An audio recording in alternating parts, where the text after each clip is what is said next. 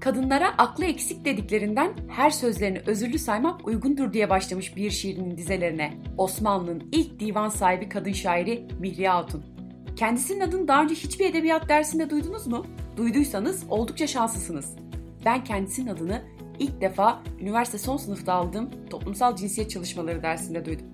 Maalesef lise edebiyat kitaplarımda ismi bile geçmiyordu. En iyi derslerimden biri edebiyat olmasına rağmen özellikle divan edebiyatı konularına aşırı şekilde sıkılarak çalışırdım. Meğer konuyla ilgili bilgilerin ilgimi çekecek çeşitliliğe sahip olmamasından kaynaklanıyormuş bu durum. Nezihe Muhittin neden tarih kitaplarımızda yoksa Mihri Hatun da aynı sebeple edebiyat kitaplarımızda yok. Unutturulmaya çalışıldıkları ya da bilinmelerine gerek görülmediğinden. Fakat bir yandan şuna o kadar eminim ki eğer ikisinin ve nicelerinin isimleri kitaplarda yer alabilseydi bugün kadın siyasetçi, kadın şair gibi birçok konuda cinsiyetçi söylemlerle daha az karşılaşırdık. Evet, hazırsanız yaklaşık 560 yıl öncesine gidiyoruz.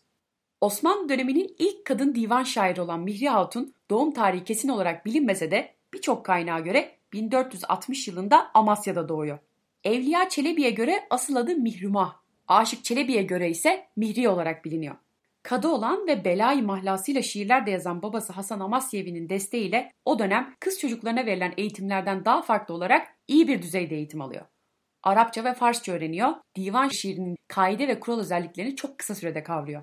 Şehzade II. Beyazıt'ın Amasya'da vali olarak bulunması sebebiyle kültür ve sanat konularında oldukça gelişmiş bir kentte büyüyor. Şehzadenin iyi yetişmesini sağlamak için şehirde bulunan birçok bilgin ve sanatkar sadece şehzadenin değil, şehirdeki birçok kişinin eğitilmesinde de önemli katkılar sağlıyor. Küçük yaşlarından itibaren edebiyata ilgi duyan ve ozanlığa olan yeteneği babası tarafından da keşfedilen Mihri Hatun'un ilk dizelerinden biri kardeşi doğduktan sonra anne ve babasının kendiyle daha az ilgilenmesinden duyduğu üzüntüyle kaleme aldığı beni sus sus diye eyler onu öperek oluyor. Aslında bu dizelerde ona sürekli söylenen sus kardeşin uyanacak sözünün kendisine hissettirdiği duyguyu anlatmaya çalışıyor Mihri. İlk zamanlarda yazma tutkusunun geçici olduğu düşünülüyor. Hatta bir kızın ne bilge ne de ozan olarak yaşadığı duyulmuş şey değil diyorlar. Fakat öyle olmuyor. Dönemin bir diğer kadın şairi olan Zeynep Hatun'dan ilham almaya devam ediyor. Hatta kendisine dizelerinin yer aldığı bir mektup gönderiyor. Zeynep Hatun da ona cevap veriyor. Senur Sezer'in Türk Safosu Mihri Hatun kitabına göre Mihri Hatun'un ilk saraya gidişi Şehzade Beyazıt'ın annesi Gülbahar Hatun isteği üzerine oluyor. Kendisine tabiri caizse bir can yoldaşı arayan Gülbahar Hatun'la sohbet etmek ve ona kitap okumakla görevlendiriliyor. Kadınların çoğunun okuma yazma bilmediği o dönemde bu iş için çok fazla alternatif de olmuyor haliyle. Kısa bir süre içerisinde Gülbahar Hatun'un da desteğiyle Mihri Hatun sarayda toplanan bilim ve şiir meclislerinde yer almaya başlıyor.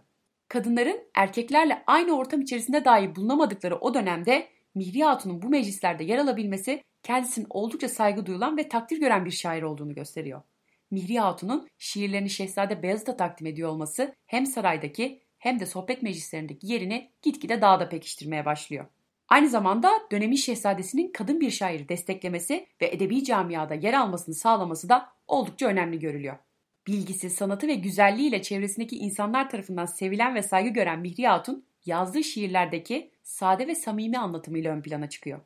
Dönemin erkekleri kendisini kadın olduğu için hafife almaya çalışsa da Mihri Hatun hiçbir şekilde sözünü esirgemeden onlarla atışmalara giriyor. Zorlanmadan söylendiği açıkça belli olan, duyarlılığı yüksek, derinliği olan şiirler kaleme alıyor.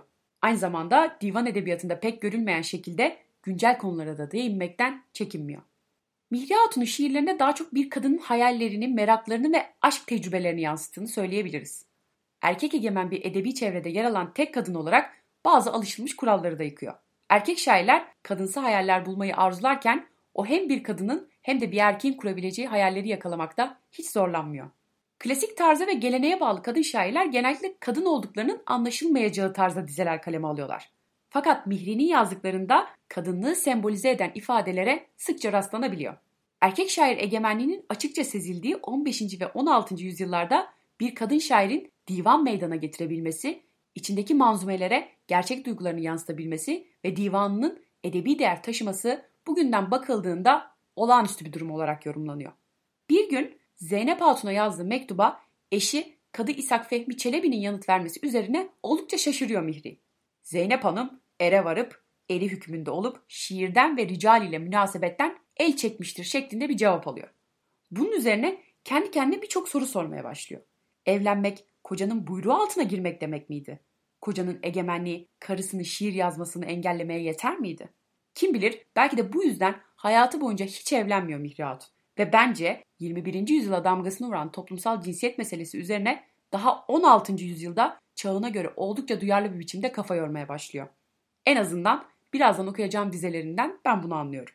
Kadınlara aklı eksik dediklerinden her sözlerini özürlü saymak uygundur.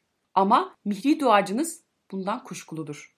Bu sözü der, bilgisi tamlar, akıllılar. Becerikli, yetenekli bir kadın daha iyidir bin beceriksiz yeteneksiz erkekten. Bir kadın yeğlenir, açık fikirli ise anlayışı kıt bin erkeğe. Mihri Hatun'un divanını Moskova'da bularak yayınlayan kişi Rus asıllı Türkolog Elena Muştakova oluyor. Muştakova, Mihri Hatun'un divanını tenkitli olarak hazırlayıp bastırdıktan sonra ünlü tarihçi ve Türkolog Hammer tarihte bilinen ilk kadın şair Safo'ya atıfla Mihri Hatun adını Türk Safosu olarak anmaya başlıyor. Divan hakkındaki ikinci ayrıntılı çalışma ise Profesör Doktor Mehmet Arslan tarafından yapılıyor ve Amasya Valiliği tarafından 2007 yılında yayınlanıyor. Divanının yazma nüshalarının İstanbul Üniversitesi Kütüphanesi, Fatih Millet Kütüphanesi ve Ayasofya Kütüphanesi'nde bulunduğu söyleniyor. Divanın başında iki tevhid ile 460 beyitlik mesnevi tarzında bir tazarruname bölümü yer alıyor. Bu bölümün sonlarına doğru bir kadın olarak dönemindeki erkeklerin düşünce tarzlarına karşılık kendi kişiliğini savunuyor. Birçok kaynakta kendisinin 1506 yılında öldüğü belirtilse de kesin tarih bilinmiyor. Mezarı Amasya'da 2. Beyazıt tarafından inşa ettirilen ve Zevadiye adıyla bilinen bir Halveti tekkesinin türbesinde yer alıyor. 1985 yılında isminin Uluslararası Astronomi Birliği tarafından Venüs gezegeninde keşfedilen yeni bir kratere verilmesi de kendisi hakkındaki güzel anekdotlardan biri. Mihri Hatun o dönem yaşayan çağdaşları gibi maalesef yaşamının ayrıntıları pek fazla bilinmeyen bir isim. Bu sebeple hakkında yazılanların birçoğu aslında hep benzer bilgiler içeriyor. Fakat kendisiyle ilgili daha ileri bir okuma yapmak isterseniz benim de bu bölüm boyunca içindeki birçok bilgiye atıf yaptığım Senur Sezer'in Türk Safosu Mihri Hatun kitabını okuyabilirsiniz.